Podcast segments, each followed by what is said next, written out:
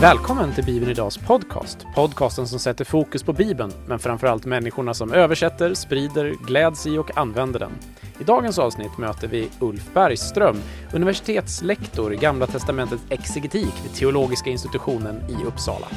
Vi pratar om hur det är att arbeta med Bibeln, men samtidigt läsa den för sin egen utveckling.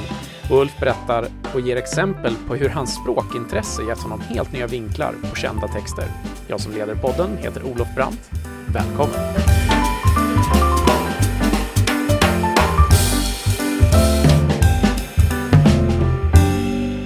Då var ni varmt välkomna tillbaka till Bibeln Idags podcast. Och idag så sitter jag här med Ulf Bergström. Och jag som eh, pratar, jag heter Olof Brandt och är ledare för den här podden. Och eh, Ulf, välkommen hit! Tack så mycket, roligt att vara här. Du är eh, universitetslektor Det stämmer. i Gamla Testamentet, eller Gamla Testamentets exegetik, här i Uppsala, där vi sitter och spelar in i Bibelsällskapets lokaler som vanligt. Och jag tänkte vi skulle ha en podcast där vi ska gå igenom lite grann vad, hur du hamnade där du hamnade, eh, vad du sysslar med och eh, lite grann beröra, ja men om man jobbar med biblisk text på det sättet som du gör, eh, ganska mycket, både till vardags och, och sådär. Och du har på stolen här intill dig lagt både en bibel och eh, eh, den hebreiska eh, grundtexten så att säga. Eh, och vad, vad det gör med ens bibelläsning och så vidare. Men eh, för att den som inte känner dig ska få lära känna lite vem du är så här i början, eh, så ställer vi den där omöjliga frågan. Vem är Ulf? Vem är jag? Ja, eh, jag är då, skulle man kunna säga, bibelvetare eh, och eh, med inriktning mot Gamla Testamentet eller Hebreiska Bibeln som vi också brukar säga på, på universitetet. Eh, och det innebär att jag har då doktorerat en gång i tiden just på Gamla Testamentet. Och numera så är jag mest upptagen med eh, undervisning då på, på Teologiska institutionen. Eh, jag är kristen bibelvetare kan vara värt att tillägga därför att eh, eh, det finns också bibelvetare av andra bekännelser, många, av judisk tro till exempel och till och med muslimer som man kan stöta på på konferenser och sådär. Och bibelvetare som inte har någon tro alls. Men Det är min bakgrund och jag hör till också till en, eh, en eh, kristen församling här i stan. Eh, nämligen Valsättra kyrkan.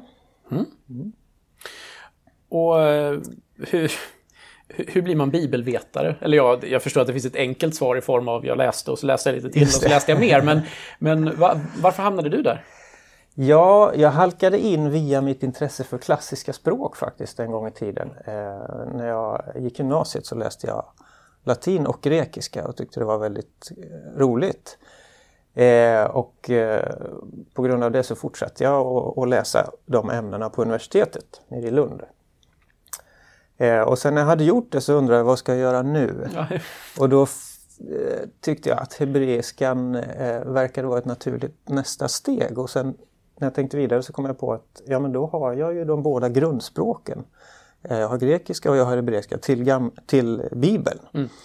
Eh, och eh, i och med att jag, jag är kristen och är intresserad av Bibeln och eh, tycker om eh, att gräva lite i det så förstod jag att det här var någonting för mig. Och jag tänkte också lite grann på sikt att ja, men, eh, jag kanske ska ägna mig åt att undervisa i det här och så. Eh, så att eh, det, det, idén kom upp där helt naturligt på vägen. Sen tog det väldigt lång tid innan jag hamnade där jag är nu. Det här var på 90-talet och nu är vi 2019. Men, eh, men den vägen kom jag in i det. Vad, jag tänker mig att eh, många som inte har så mycket med akademin att göra kan ju se, men okej, du undervisar och sådär. Men vad, vad gör en bibelvetare då, om du skulle förklara för mannen på gatan, så att säga? Ja, eh, ja, dels är det ju den här undervisningsbiten då. Det beror ju lite grann på vad man har för tjänst på universitetet. Jag är lektor och då är det huvudsakligen undervisning. Eh, och i mitt fall då på, på Uppsala så är det ju frågan om eh, eh, undervisning på väldigt många olika nivåer. Jag börjar på vår nybörjarkurs, i, eller introduktionskurs i religionsvetenskap. Eh, och sen så har jag en hel del undervisning på eh, termin två när man börjar specialisera sig för bibelvetenskap. Så det är en allmän introduktion i bibelvetenskap och sen är det då introduktionskursen i hebreiska, eh, de språkliga studierna. Sen efter det så går det vidare till eh, sån här läskurs där man sitter och läser hebreisk text. Eh, eh ganska långa eh, eh texter där. Eh, Eh, uppsatskurser. Mm. Eh, och sen kan det vara också eh, vissa liksom, temakurser. Så, där. så att förra året hade jag en kurs som handlade om etnicitet och migration i Bibeln, alltså ett specialstudium mm. av någonting. Eh, sånt dyker också upp ibland. Så det, är ganska, det är väldigt brett just vad jag gör undervisningsmässigt. Sen så är det en liten del forskning också i tjänsten så att jag ägnar mig lite åt det också. Eh, och där har jag själv, där är det ju mer nischat naturligtvis då. Där har jag själv ett stort språkligt intresse. Så att jag skrev min avhandling om eh, hebreiska verb Hebreiska verb, ja. Okay. Eh, verb har ju tidsformer. I svenskan är det ganska uppenbart att det är några former som syftar på förfluten tid och några på nutid och några på framtid och sådär.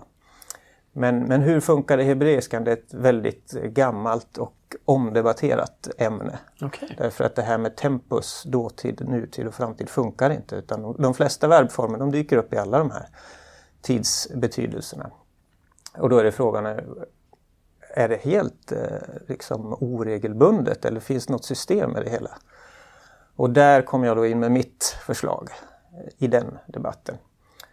Eh, och sen som en spin-off på det så, så började jag studera också eh, hur verbformers betydelse förändras över tid. För det går till på likartade sätt i likartade språk och då kan man studera olika texter i Gamla Testamentet och se att i den här i de här texterna så har den här verbformen framförallt den här betydelsen. Och sen så ser man en glidning i vissa andra texter. Och det kan man då placera på en slags kronologisk skala och säga att de här texterna är yngre och de här är äldre. Eh, så det har jag också gjort. Och sen har jag också eh, riktat in mig på ett studium av berättande text. Jag tittar på hur berättande text är uppbyggd. Eh, och då finns det vissa språkliga Eh, konstruktioner som, som kan indikera liksom, övergångar i, i textstrukturen och sådär. Eh, så det är vad jag har gjort i, i min forskning. Men det är den mindre biten av det jag gör just nu. Ja, just det. Men är det då eh, i huvudsak bibeltext du studerar eller är det också, det finns ju andra hebreiska såklart? Eh, ja, jag har hållit mig inom bibeltexten. I viss mån när man, när man studerar eh, sådana stora liksom, övergripande saker som hebreiskans verbsystem. Ja, då får man jämföra även med, med senare hebreiska. Som, eh, du har ju bibelhebreiska men efter det så kommer mishna hebreiskan och sen så finns det ju utombibliska texter, en del inskriptioner och sånt där. Så i viss mån så kan man ta in det liksom mm. för, som ett jämförelsematerial. Men det har inte varit en huvudsak eh, för min del. Mm. Jag vet när jag har träffat dig tidigare så har, vi, eh, så har du beskrivit dig som en, som en läsare. Mm. Och också kommande från en läsande släkt. Just det. Eh, vill du berätta lite vad du menar med det? Ja, eh, det är, läsare är ju en beteckning som eh, som de fick som eh, eh, blev frälsta i väckelserörelserna sådär slutet av 1800-talet och framåt. Eh, som har gett upphov till våra frikyrkor idag mycket. Och på min fars sida så hör jag till det som en gång i tiden hette Missionsförbundet och numera ingår i Ekumeniakyrkan. Eh, och på min mors sida från Norge då så, så hör jag till en annan gren där, där de också var kallades för läsare. Och det betyder helt enkelt att man läser Bibeln eh, fast man, man inte måste. Så att mm. Man gör det av eget intresse och för sin egen uppbyggelse och vägledning i livet. Och man ser Bibeln som en, ett väldigt viktigt inslag i det kristna livet. En, en slags nödvändig ingrediens. Ehm, och eh, ja, det, ja, så var det även i mitt eget hem att eh, Bibeln var en bok som lästes och eh, det var det som satte igång mitt eget intresse också. Det är som man börjar med barnens bibel och sen ja, hela det här med söndagsskolan och, och sen börja läsa bibeln på egen hand. Mm. När du läser idag, jag måste ju bara få fråga för att det här är ju nördigt så det förslår. Läser du i, på hebreiska när du läser eh, Gamla Testamentet? Eh, ja, alltså när jag läser för, liksom för min egen skull, då läser jag framförallt på svenska. Ja. Därför att man, jag tror ändå det är bäst att läsa på sitt modersmål. Mm. Eh, och sen läser jag i den hebreiska bibeln typ tre, veckor, tre verser om dagen för att hålla det levande. Ja, ja. Mm. Men det är ju mera liksom eh, pluggbetonat. Just det. Så. Men det flyter ihop, alltså jag får ut väldigt mycket utav, av, av det läsandet av hebreiska också för min personliga del. Ja, jag, vet, jag, tänkte på det. Det här är ju, det är ju inte många som, som så tydligt på något sätt har i sin akademiska karriär eller i, i jobbet i stort förmånen att få jobba med texter som också då blir en del av ens viktiga vardag så att säga i, som, som läsare. Då. Så jag, jag tänkte lite på det. Får, får du ibland de här där det på något sätt blir broar över tydligt när du sitter och jobbar med någonting på jobbet och så, så plötsligt så ser du någonting som sen också blir någonting som betyder någonting för dig i din vardag och så vidare. Eh, ja, eh, det händer nog eh, ofta. Det, naturligtvis är det så att man är inte en människa på jobbet och en människa hemma. Ibland när man sitter på jobbet så, så vandrar man bort i tanken och liksom lämnar jobbet och, ja. och sådär. Och då, då, kommer man in i en annan typ av läsning kanske om man sitter med bibeltexten framför sig. Så. Men om man säger vissa saker som, som jag har fått genom det här systematiska akademiska approachen till bibelläsning, det, det tror jag att det finns en hel del. Och då handlar det ju om, eh, alltså det handlar ju inte om de här grundläggande sakerna om att eh, tack vare det är jag en kristen och frälst så att säga. Mm. Men det handlar mer om fördjupning, om, om nya perspektiv, eh, om, om en förståelse för nyanser. Eh, man får upp ögonen för de här stora linjerna i Gamla Testamentet till exempel. Eh, ett exempel på det är ju, blir lite tydligare om man utgår från den judiska eh, Gamla Testamentet, eller de kallar det för Tanach. Eh, där man har en annan indelning så att det är indelat till lagen, skrifterna och profeterna. Mm. Eh, den kristna bibeln har ju en annan ordningsföljd där. Men då kan man se till exempel att den första delen av profeterna som kallas de tidiga profeterna och det utgörs då av eh, Josua-boken, Domarboken, Samuelsböckerna och Kungaböckerna. Mm. Eh, de tidiga profeterna är väldigt tydligt en fortsättning på Moseböckerna. Mm. Eh, Moseböckerna, om man kan sammanfatta det väldigt kort, handlar ju om förlusten av Edens lustgård, alltså förvisningen från det. Eh, och vägen till det utlovade landet. Liksom. En, mm. en hemlöshet som förbytts i att komma hem. Eh, och sen när du kommer in då i, i de tidiga profeterna så börjar i början av Josua-boken så är allting frid och fröjd. Då kommer de in i det förlovade landet. Sen gradvis så går det mot en ny förlust då i och med slutet av kungaböckerna när folket förvisas till mm. Babylonien. Eh, och det är väldigt tydligt hur, hur de som har redigerat ihop Bibeln liksom har passat ihop de här bitarna. Mm. De svarar mot varandra. Och det är också väldigt tydligt att det finns ett övergripande budskap i hela det här textblocket, de tidiga profeterna som handlar om eh, folkets avfall ifrån förbundet. Och att konsekvensen, straffet för det, är den här exilen i mm. Babylon. Mm. Eh, och det syns tydligare i den judiska kanon därför att där blandas inte eh, till exempel Esra och Nehemja och krönikeböckerna in. De talar ju om tiden efter exilen. Ja. Eh, Medan då i den hebreiska bibeln så kommer ju skrifterna som en tredjedel då, efter profeterna och skrifterna i viss mån kan ju ses som ett slags eh, uppfyllelse av den förhoppning som ändå finns hos profeterna att det kommer en ljusare framtid. För att i skrifterna så ser vi då i Esra och Nehemja hur folket befinner sig återigen i Jerusalem och börjar bygga upp både murarna och templet och sådär. Um, och den där äh, liksom blicken för de här stora linjerna och hur, hur, hur textmassan är komponerad för att, att förmedla ett budskap. Det är någonting som jag har fått, tycker jag, från, från eh, de akademiska studierna. Eh, och sen eh, är det ju mycket också en fråga om att man får mer och mer nyanser i texten. Det är som att det blir, går från svartvit till färg lite grann. Så exempelvis att berättelser kan ha väldigt olika karaktär. ja, det här med att det finns komiska inslag i vissa berättelser det gick upp för mig ganska sent. Ja. Men, eh, men ta exempelvis Jakobsboken som ju handlar om eh, Jakob då och eh, det är väldigt mycket om hur folk lurar varandra, för varandra bakom ljuset. Mm. Alltså, Jakob börjar med att lura eh, Esau på förstfödslorätten genom att klä ut sig i fårpäls och låtsas vara Esau inför sin blinde far. Eh, sen så försvinner han iväg till eh, till Aram, till sin släkting Laban och eh, gifter sig så småningom med Labans dotter där. Och Laban i sin tur, han utnyttjar ju Jakob ganska grov, mm, grovt mm, och, och, lurar honom i sin tur. Då. Eh, men, men det är som en slags dragkamp mellan de här där, där Jakob ändå drar det sista, längsta strået. Mm.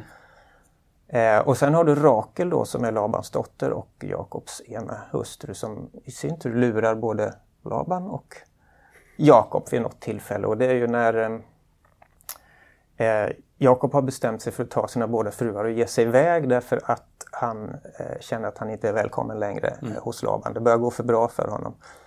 Eh, och det han inte vet då det är ju att Rakel stjäl Labans husgudar mm. som det kallas, terafim. Eh, man vet inte exakt vad det, vad det var eller vad de hade för funktion men, men det var någonting som sedermera kom att användas för avgudadyrkan i alla fall. Eh, men någon slags eh, figurer som, som var av stor betydelse för Laban, de, de stal hon med sig då i hemlighet. Och, när Laban upptäcker att Jakob har lämnat dem utan att säga farväl så följer, förföljer han dem. Och så kommer han till Jakob och eh, förebrår honom då för att eh, man har smugit iväg. Om mm. ni kunde väl sagt till så kunde jag gett er gåvor och gett ett ordentligt avsked. Och dessutom var det nödvändigt för er att stjäla eh, husgudarna. Och det där vet inte Jakob om så han protesterar ju. Ja. Och så säger han att eh, om du hittar, du kan gå igenom allt med ett bohag, om du hittar dem där, den personen som har ska, tagit det eh, ska dö. Och då får man hjärtat i halsgropen som läsare då eftersom det är Rakel som har mm. tagit dem. Sen beskrivs det då hur Laban går igenom eh, alla tälten och så kommer han in i tältet där Rakel sitter. Hon har då gömt husgudarna under en kamelsadel och satt sig på den. Eh, och så med en vit lögn då förklarar hon att jag kan inte stiga upp för att eh, hon har sin menstruation. Eh, och eh, hon kan inte stiga upp då. Det betyder också att Laban kan ju inte lyfta på den där sadeln och titta under det för att det är orent och så vidare. Så det är en ganska förslagen vit lögn där. Eh, så kommer han ut då till Jakob med oförrättat ärende. Han har inte hittat de här gudarna och eh, när det står klart då så får han världens utskällning av Jakob. Att, eh, eh ska vi se, jag kan läsa bara för att vi ska få lite grann utav eh, färgen här i berättelsen. Då blev Jakob vred och började anklaga Laban. Jakob sa, vad har jag gjort för ont? Vilket är mitt brott eftersom du jagar mig? Nu har du letat igenom allt jag äger och har. Har du hittat en enda sak som tillhör dig? Lägg det i så fall här inför dina och mina släktingar så att de kan döma mellan oss. Eh, och vi som läsare eh, vet ju då att eh, Rakel har gömt allting det här.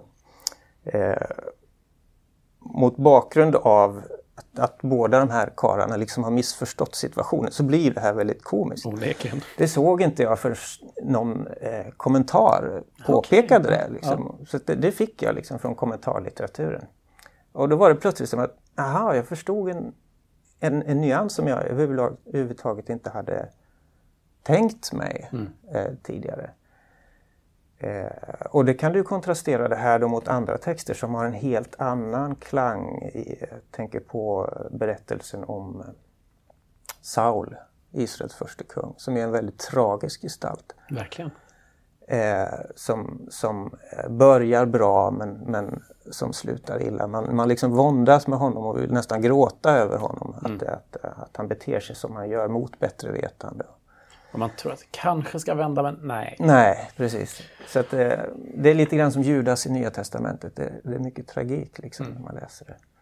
Och sen har du andra historier som eh, berättelsen om... Eh, några av berättelserna om Abraham är ju som gastkramande rysare. Mm.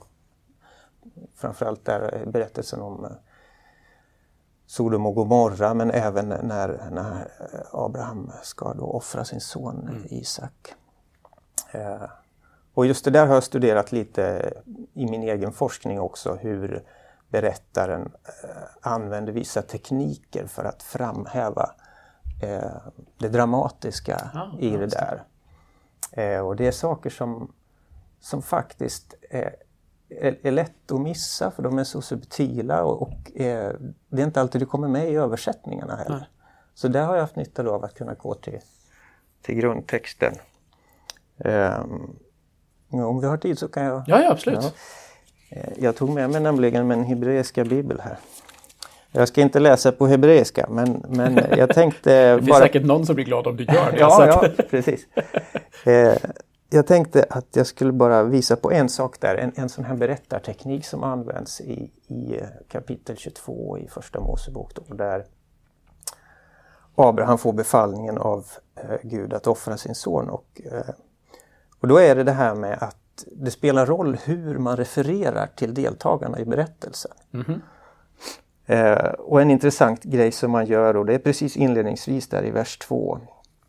Står det så här, Gud sade Ta din enda son, honom som du älskar, Isak, och gå till landet Moria och offra honom där som brännoffer på ett berg som jag ska visa dig. Eh, så här hade ju berättaren kunnat säga, ta Isak och offra honom. Men, han, men han säger, ta din enda son, honom som du älskar, Isak. Så han spelar på den här emotionella strängen, inte bara en gång utan tre gånger. Man ska få klart för sig att det här är, eh, det här är någonting eh, liksom hjärtslitande för Abraham att göra. Även om det för övrigt berättas ganska lakoniskt och kortfattat. Så är små antydningar om att det är ganska eh, stora grejer eh, i görningen här. Och det där dyker upp sen igen i, i vers 7. Eh, och då har de kommit fram till Moriaberg och eh, eh, Abraham och Isak har lämnat sina tjänare bakom sig och ger sig iväg ensamma då. Då har Abraham tagit med sig eh, ved och en kniv och en eld. Eh, men inte något offer. Ehm, och då säger ju eh, Isak då i vers 7.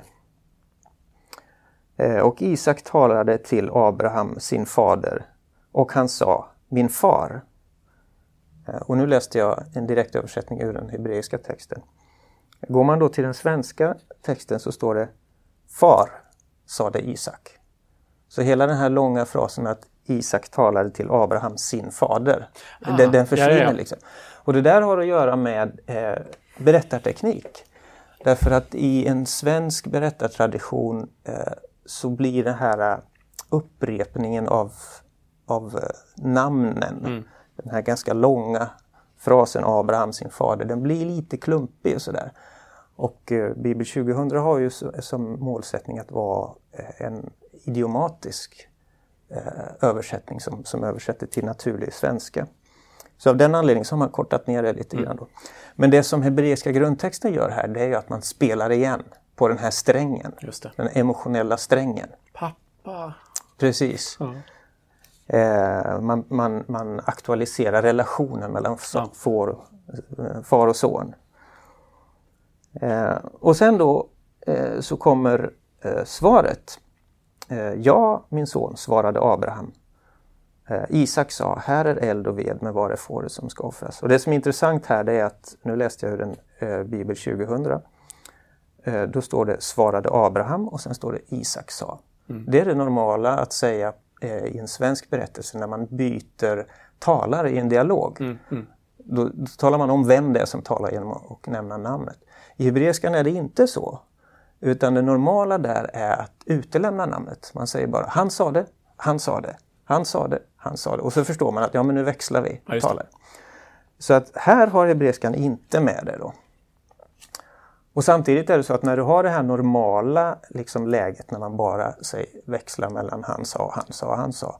Då antyder det att eh, eh, saker och ting förlöper ungefär som förväntat. Ah, okay. ja. Ja, ja. Ja, det, det, är liksom eh, en normal situation. Och sen om man plötsligt skulle säga Abraham sa mitt i en sån kedja, då antyder det att det är någonting som eh, avviker lite grann från, från det man kan förvänta. Det, det, är en situation som ställer vissa krav på, på den som just nu talar. Eh, alltså det är en sån här... Eh, man kan fråga sig, men vad händer då? Vad mm. händer nu i berättelsen? Um, så att när man kommer då till eh, vers nummer åtta här. När Isak har ställt den här frågan. Eh, var är fåret som ska offras? Mm, mm. Som, lä som läsare så tänker man, vad ska Abraham säga nu? Mm. Därför att det är ju Isak som är fåret som ska offras. Och går man då till den hebreiska grundtexten så står det Abraham sa, min son, Gud ska utse offret. Eh, så där eh, så bryter man mot det normala i den hebreiska texten och eh, nämner namnet uttryckligen. Mm. Och det är en sån en väldigt subtil liten signal om att nu, nu var det inte givet vad Abraham skulle säga. Mm. Nu var han tvungen att liksom överväga. Så.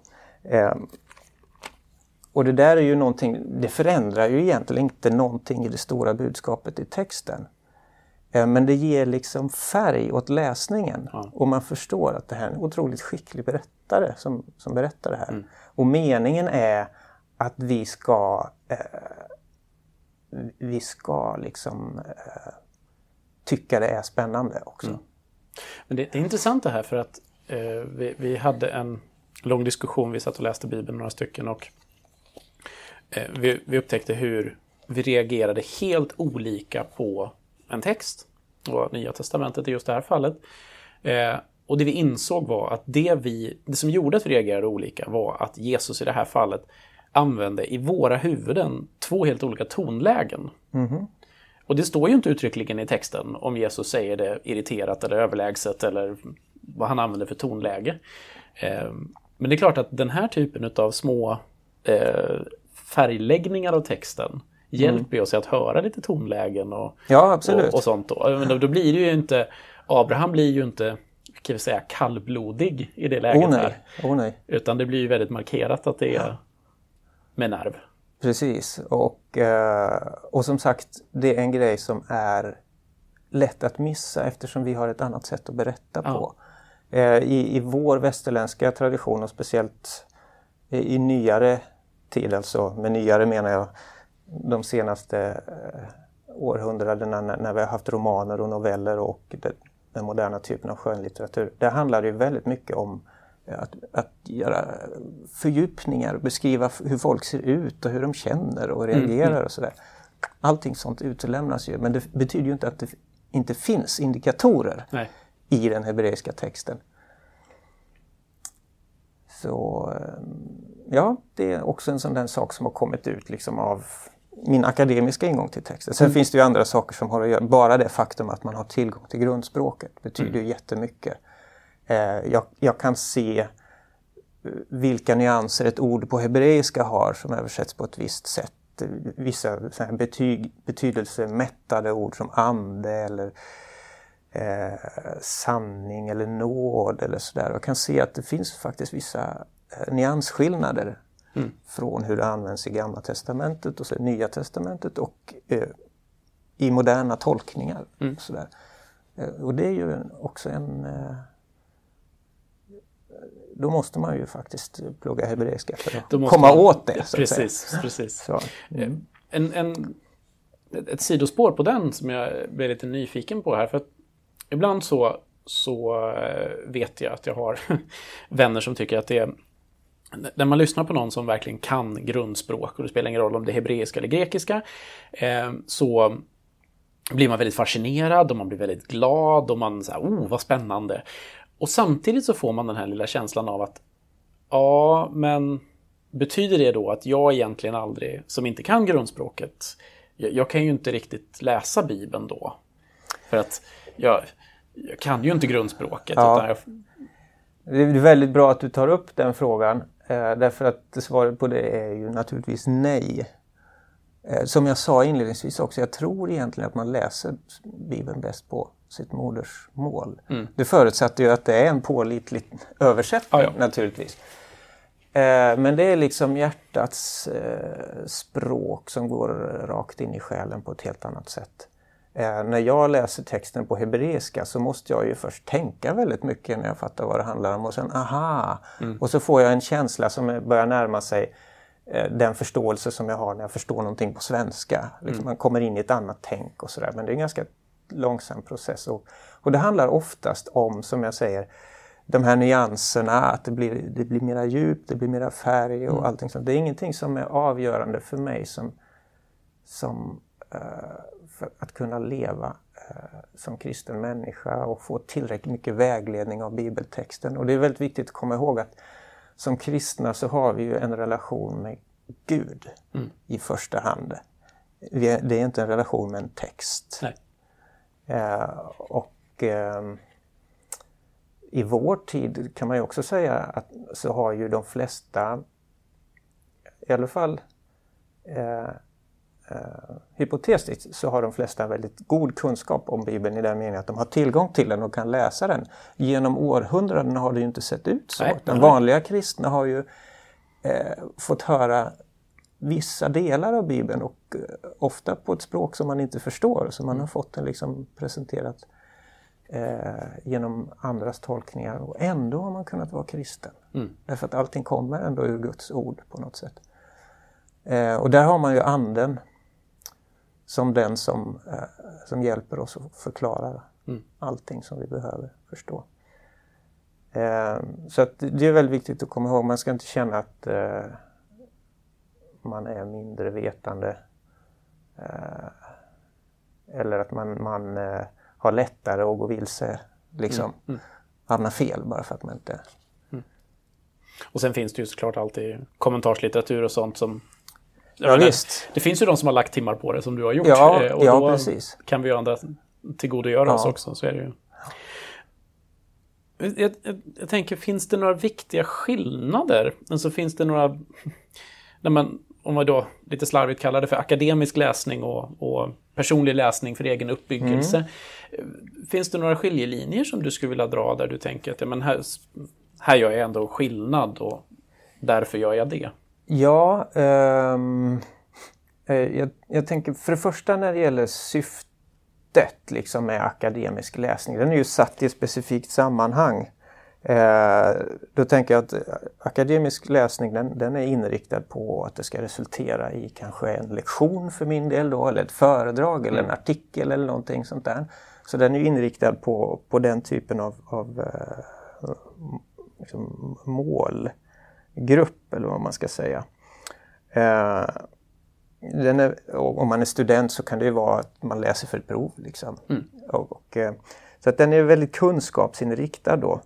Medan en personlig läsning när man sitter hemma och läser är mycket friare naturligtvis. Eh, och den är, den är mer associativ och, eh, och eh, intuitiv och eh, den är ju också eh, inriktad mot mina egna behov och min egen andliga mognad och, och sådär att man ska växa. Det här som vi brukar kalla för helgelse. Mm. Och så. så att, eh, det är en ganska tydlig skillnad i tonvikten där. Ehm, om man då tittar på den akademiska läsningen och, så, så är det ju mycket det här med att eh, akademiska läsningen den eh, läser frukterna om man säger så, ska liksom avsättas just i den akademiska kontexten. Och, och då hör det till saken att den inte alltid är konfessionell heller. Nej. Utan man kanske liksom ska kommunicera det här med personer av annan tro eller ingen tro alls. Så det medför en begränsning i vilka saker man fokuserar på för att man fokuserar på de sakerna man kan diskutera med de som finns i den akademiska kontexten. Ehm. Sen ett annat sätt att se, se på skillnaden det är ju att den akademiska läsningen är eh, mer kritisk och då menar jag inte i en negativ bemärkelse. Ja, det, det, där är nog bra att du lyfter för att jag, ja. jag, vet att en del har väldigt svårt med ordet just kritisk läsning. Ja, eh, då menar jag kritisk eh, i meningen eh, liksom resonerande, problematiserande, man ser på båda sidor av saken. Mm. Eh, eh och eh, för man, finns det en förskjutning i ordets betydelse? ja, det gör det. Precis. Men det är ju, som, det är ju samma sak som att vi har eh, filmkritiker. Ja. Och de är ju inte sådana som tycker illa om film. Alla Utan filmer tycker de illa om. ibland tycker de bra, ibland dåligt om. Ja. Alltså man värderar eh, utifrån någon slags eh, bedömningsgrund och sådär. Eh, och jag menar att den akademiska läsningen är kritisk i den neutrala meningen att man, resonerar lite mer fram och tillbaks. Mm, mm. Och jag tänkte på det finns en, man kan beskriva tolkningsprocessen. När man läser en bibeltext brukar man ibland beskriva den som att den består av, av tre olika steg. Mm. Och då brukar man tala om den som den hermeneutiska bågen. Ah, okay. Och hermeneutik är ju läran om tolkning. Mm. Eh, så att det är liksom, eh, den här hermeneutiska bågen beskriver tolkningsprocessen. Och då brukar man säga att det första steget när du läser det är eh, en, att du lyssnar till texten. Du får en omedelbar förståelse för texten. Du, du tar liksom till dig rent intuitivt vad som står. Det är liksom det första. Och sen nästa steg, det är steget som kallas för förklaring. Eh, och om, om då det första steget, den här intuitiva förståelsen, befinner sig eh, eh, i ena spetsen av bågen så är förklaring det, det är liksom bågens topp. Mm. Om bågen står på marken. Så är förklaringen, den befinner sig där på bågens topp så att säga.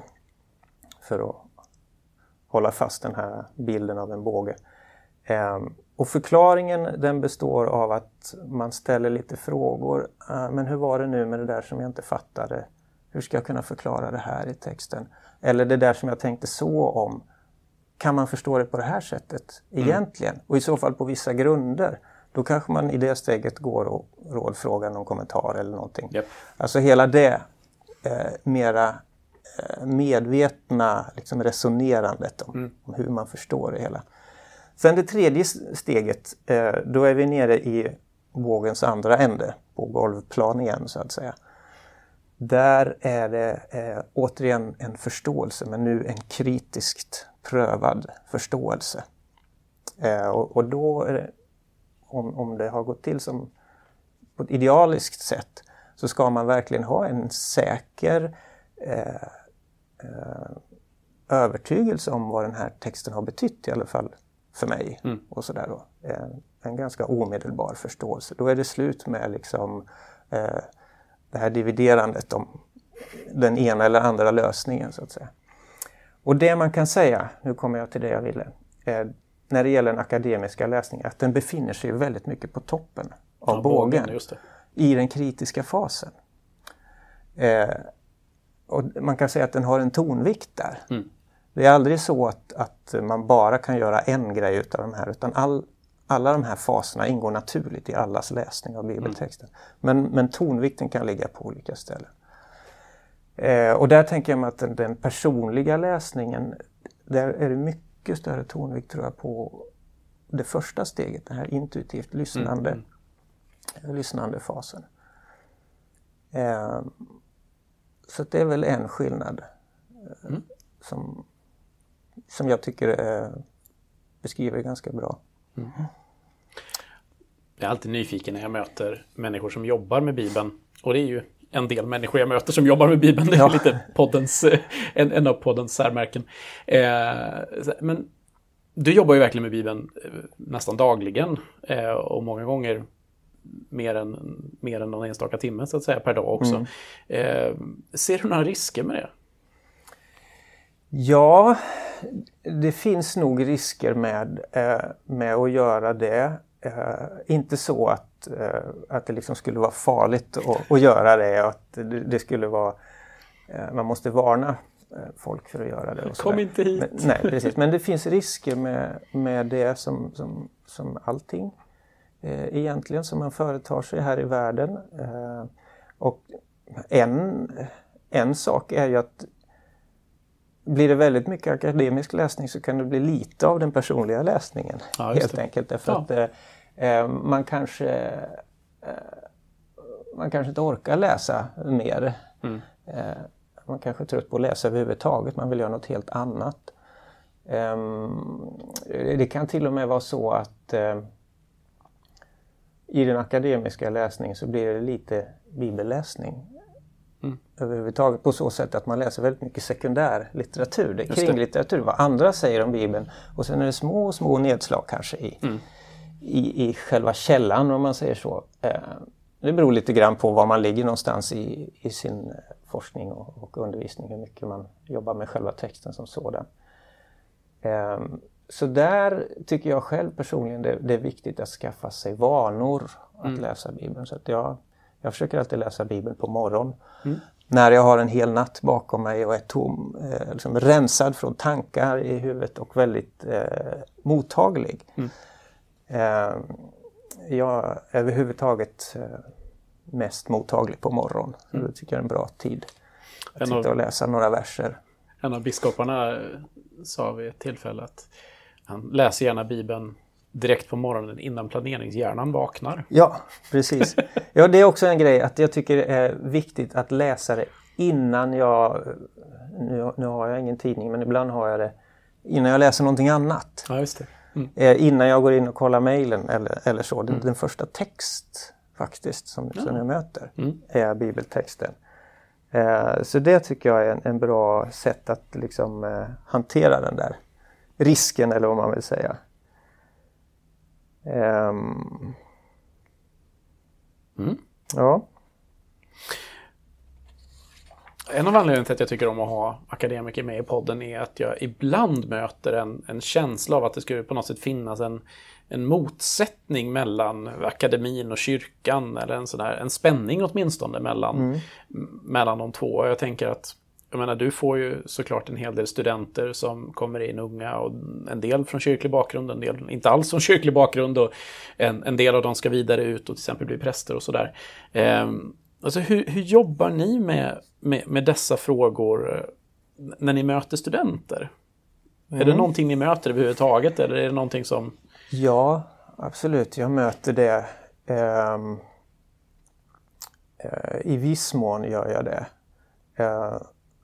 Eh, nu, nu kommer jag plötsligt på en sak med anledning av din förra fråga. Kan jag Ja, ta den ja först? absolut, absolut. Eh, vi var inne på det här med risker, för det hänger ihop med det här Ja, också. ja. Därför att det, studenter eh, upplever ju också eh, de här eh, riskerna så att Ja, säga när de kommer till de här miljöerna. Eh, jo, det jag tänkte säga var att när man håller på med den här akademiska läsningen, man kan knyta an igen till den här, den här hermeneutiska bågen, att man kan fastna. Man kan liksom fastna i den här kritiska förklaringsfasen. Ja, just det.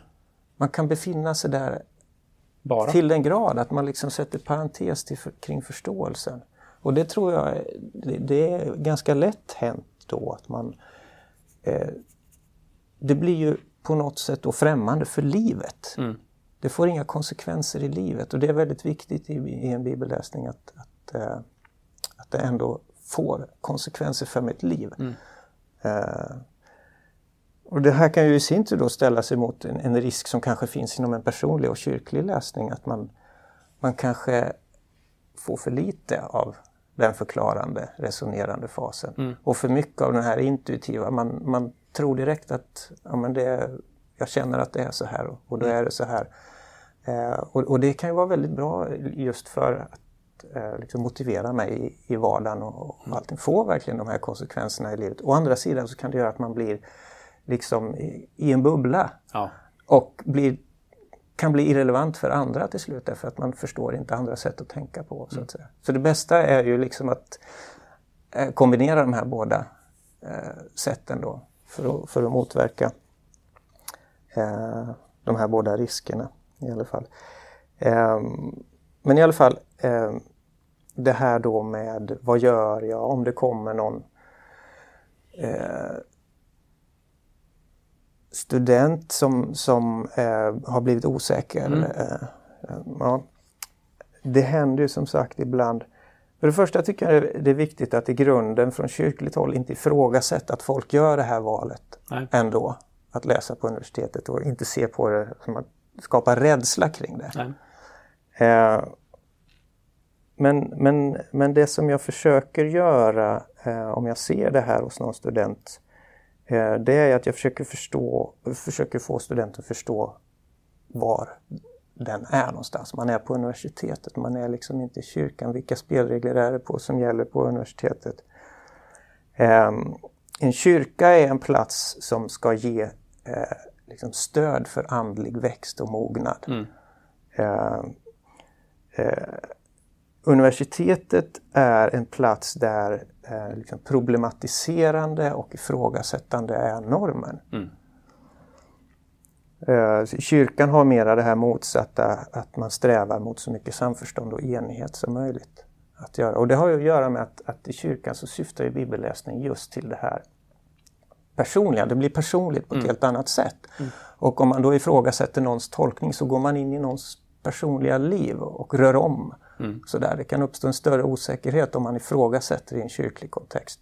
I den akademiska kontexten är det liksom normen, man ska göra det. Mm. Är man osäker på någonting, jaha, men kan man inte tänka så här då? Har du inte tänkt fel nu? Mm. Eh, och då kan det vara så att man för fram en åsikt utan att man egentligen tycker den. Man bara presenterar den som en hypotes. Mm. Eh, jag pratade en gång med en professor i Nya Testamentets exegetik som hade skrivit en artikel där jag tyckte att eh, han drog lite för väl eh, långtgående slutsatser. Mm -hmm. Kan man verkligen säga så här? Ja, tyckte han. Det, det är väl, men man måste ju driva en linje för att kunna säga något intressant. Liksom. Och mm. sen får ju den revideras då. Så att det hela tiden förutsätter att det jag säger nu det är lite tentativt och det det kan testar. revideras, vi, vi testar, testar, det för att ta oss fram. Mm. Därför att det är ändå inte någonting som berör mig så mycket personligen. Vi befinner oss på det här mm. resonerande planet så att säga. Om man ska förenkla det lite grann. Och kanske är det just där som, som mycket av, av rädslan väcks och missförstånden väcks. För det är klart att om jag kommer från kyrkans värld och är van att läsa eh, vad ska jag säga, andaktstext och så ja. trillar jag över en artikel som testar gränserna med någonting som man kanske inte ens tror håller hela vägen ut. Det är klart att då, när man inte då helt ser vad det är för text man läser eller Nej, där det blandas lite, då blir det väldigt svårt såklart. Och, och då, då tänker man liksom att oj, eh, tror jag fel nu? Ja, precis. Eh, man känner sig ifrågasatt och, och någon gång har jag haft någon student som har liksom frågat om någonting. Måste man tro på det här? Ja, just det. Nej, säg, då, då har jag ganska klart för ja. mig vad, vad min roll är. Det och säga nej, du behöver inte det. Utan du befinner dig på universitetet nu och eh, du ska tänka kritiskt mm. kring det här. Och, och, då kan det vara så att du kommer fram till att eh, nej, men det här stämmer inte. Mm. Och, och, det vill jag gärna uppmuntra i det läget. Jag kan ju inte gå in riktigt på ett själavårdande nej. sätt nej, i, i, en lärarsituation på universitetet i och med att jag inte kan förutsätta att alla är kristna och så vidare. Eh, men, men jag uppmuntrar den formen, typen av ifrågasättande, mm. att man, man inte överger sina egna ståndpunkter bara för att mm. någon tycker någonting annat. Sen kan det också vara så att, att jag kan behöva uppmuntra att eh, ja, men du kan, du kan plocka någonting ur det här mm. som faktiskt funkar. Eller, du, eller att du kan se det som, ja, men det här är bara ett annat perspektiv som kan läggas bredvid mitt och som inte behöver motsäga det egentligen. Mm. Eh, det handlar ju mycket inom akademin att, att kunna se saker och ting från olika håll. Mm. Och det, det, är inte alls alltid som det är oförenliga synsätt, mm. utan det, man kan förena dem. Då. Så sånt, det är väl vad jag kan göra när jag möter det. Eh, och sen så ser jag ju gärna att studenter som eh, läser till att bli präster till exempel, att de eh, träffas utanför klassrumssammanhanget och diskuterar. Och, och, de har ju då sina stiftsgrupper och, och sådär. Mm. Eh, och, eh, men ibland så är det en del studenter då som ordnar egna grupper där man sitter och pratar eh, bibel liksom utifrån sitt trosperspektiv. Just det. Eh, och det kan inte jag gå in och styra över men, men jag blir väldigt glad när jag ser att, mm. att de gör det. Jag kommer ihåg det var en, en stor del när jag läste grundkurserna själv i Göteborg eh, i religionsvetenskap. Eh, så Ja, men det var några, några saker. Jag, jag, jag kommer ihåg, jag strök under med två färger i min ena bok. det var den gamla testament, eh, kursen för, för Gamla Testamentet. Strök under med två färger. Den ena färgen var saker jag ska lära mig för tentan och den andra färgen var det här måste jag fråga någon om. Ja. Eh, och så bestämde jag träff med en, en, eh, en äldre präst då, som hade studerat mycket och så satte jag mig ner och så fick vi gå igenom då steg för steg och, Ja. och bara titta. Men vad, ja, han, det här, är, det här är väldigt intressant och det kan du lära dig jättemycket av. Eh, det där, ja, det är ju en av tio olika vyer på just det här. Ja, och, och så vidare. Och det, för mig var det ju en... Jag var så van vid när jag kom från, jag kom ju från gymnasiet liksom, att ja, men här får du en här får du en, en, en bok, det här är lösningen, det här är svaren.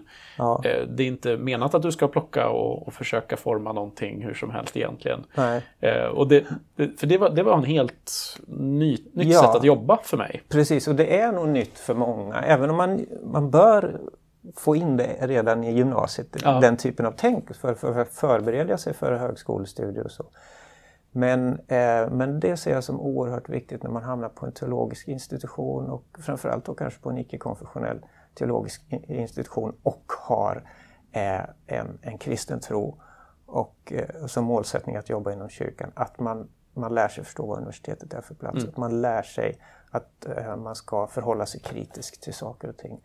Eh, den här attityden att eh, ja, men forskningen har visat att det är så här. Den, den eh, bör man eh, växa ifrån. Ja. För den, den ser man ju ofta mycket, liksom, kanske ute i media och sådär. När, Ja. när det har gått tillräckligt många steg ifrån eh, från akademin så att säga så kan det ibland uppstå väldiga förenklingar och en övertro på Mm. vad forskningen säger att ja, men det är sant. Och så. Och sen kommer en ny forskning om, om tre veckor. Ja, så, precis. Jaha, men sa inte forskningen just att det var sant? Jo, säger forskaren. Så var det. Eh, Ja, Ja, så det är viktigt att komma ihåg. ja men det är bra. Vi ska eh, runda av här. Eh, Stort tack för att du valde att lägga tid på att vara Tack. med här. Är det någonting du känner att du vill skicka med så här i slutet innan vi... Ibland bär man med sig någon, någon tanke eller känsla från samtalet som man vill avsluta med. Eh, mm, jag tror jag har känner att jag har svarat på frågorna ungefär som jag tänkte. Jag brukar ha en käpphäst Ja, eh, som är helt ovidkommande. Eh, men, men den dyker upp då och då faktiskt eh, när studenter klagar på att det är lite jobbigt och att man får ont i kroppen och sådär.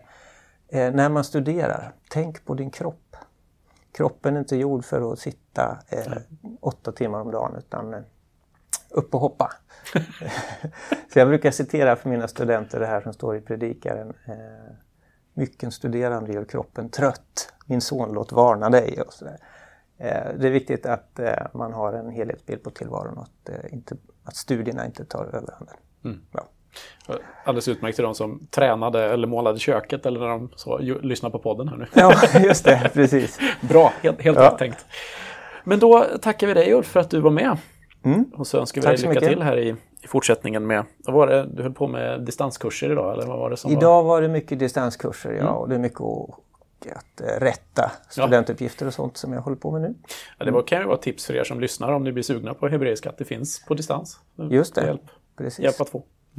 Bra, tack så mycket. Tack ska du ha. Och tack, som, tack till er som har lyssnat. Eh, vi hörs igen. Hej!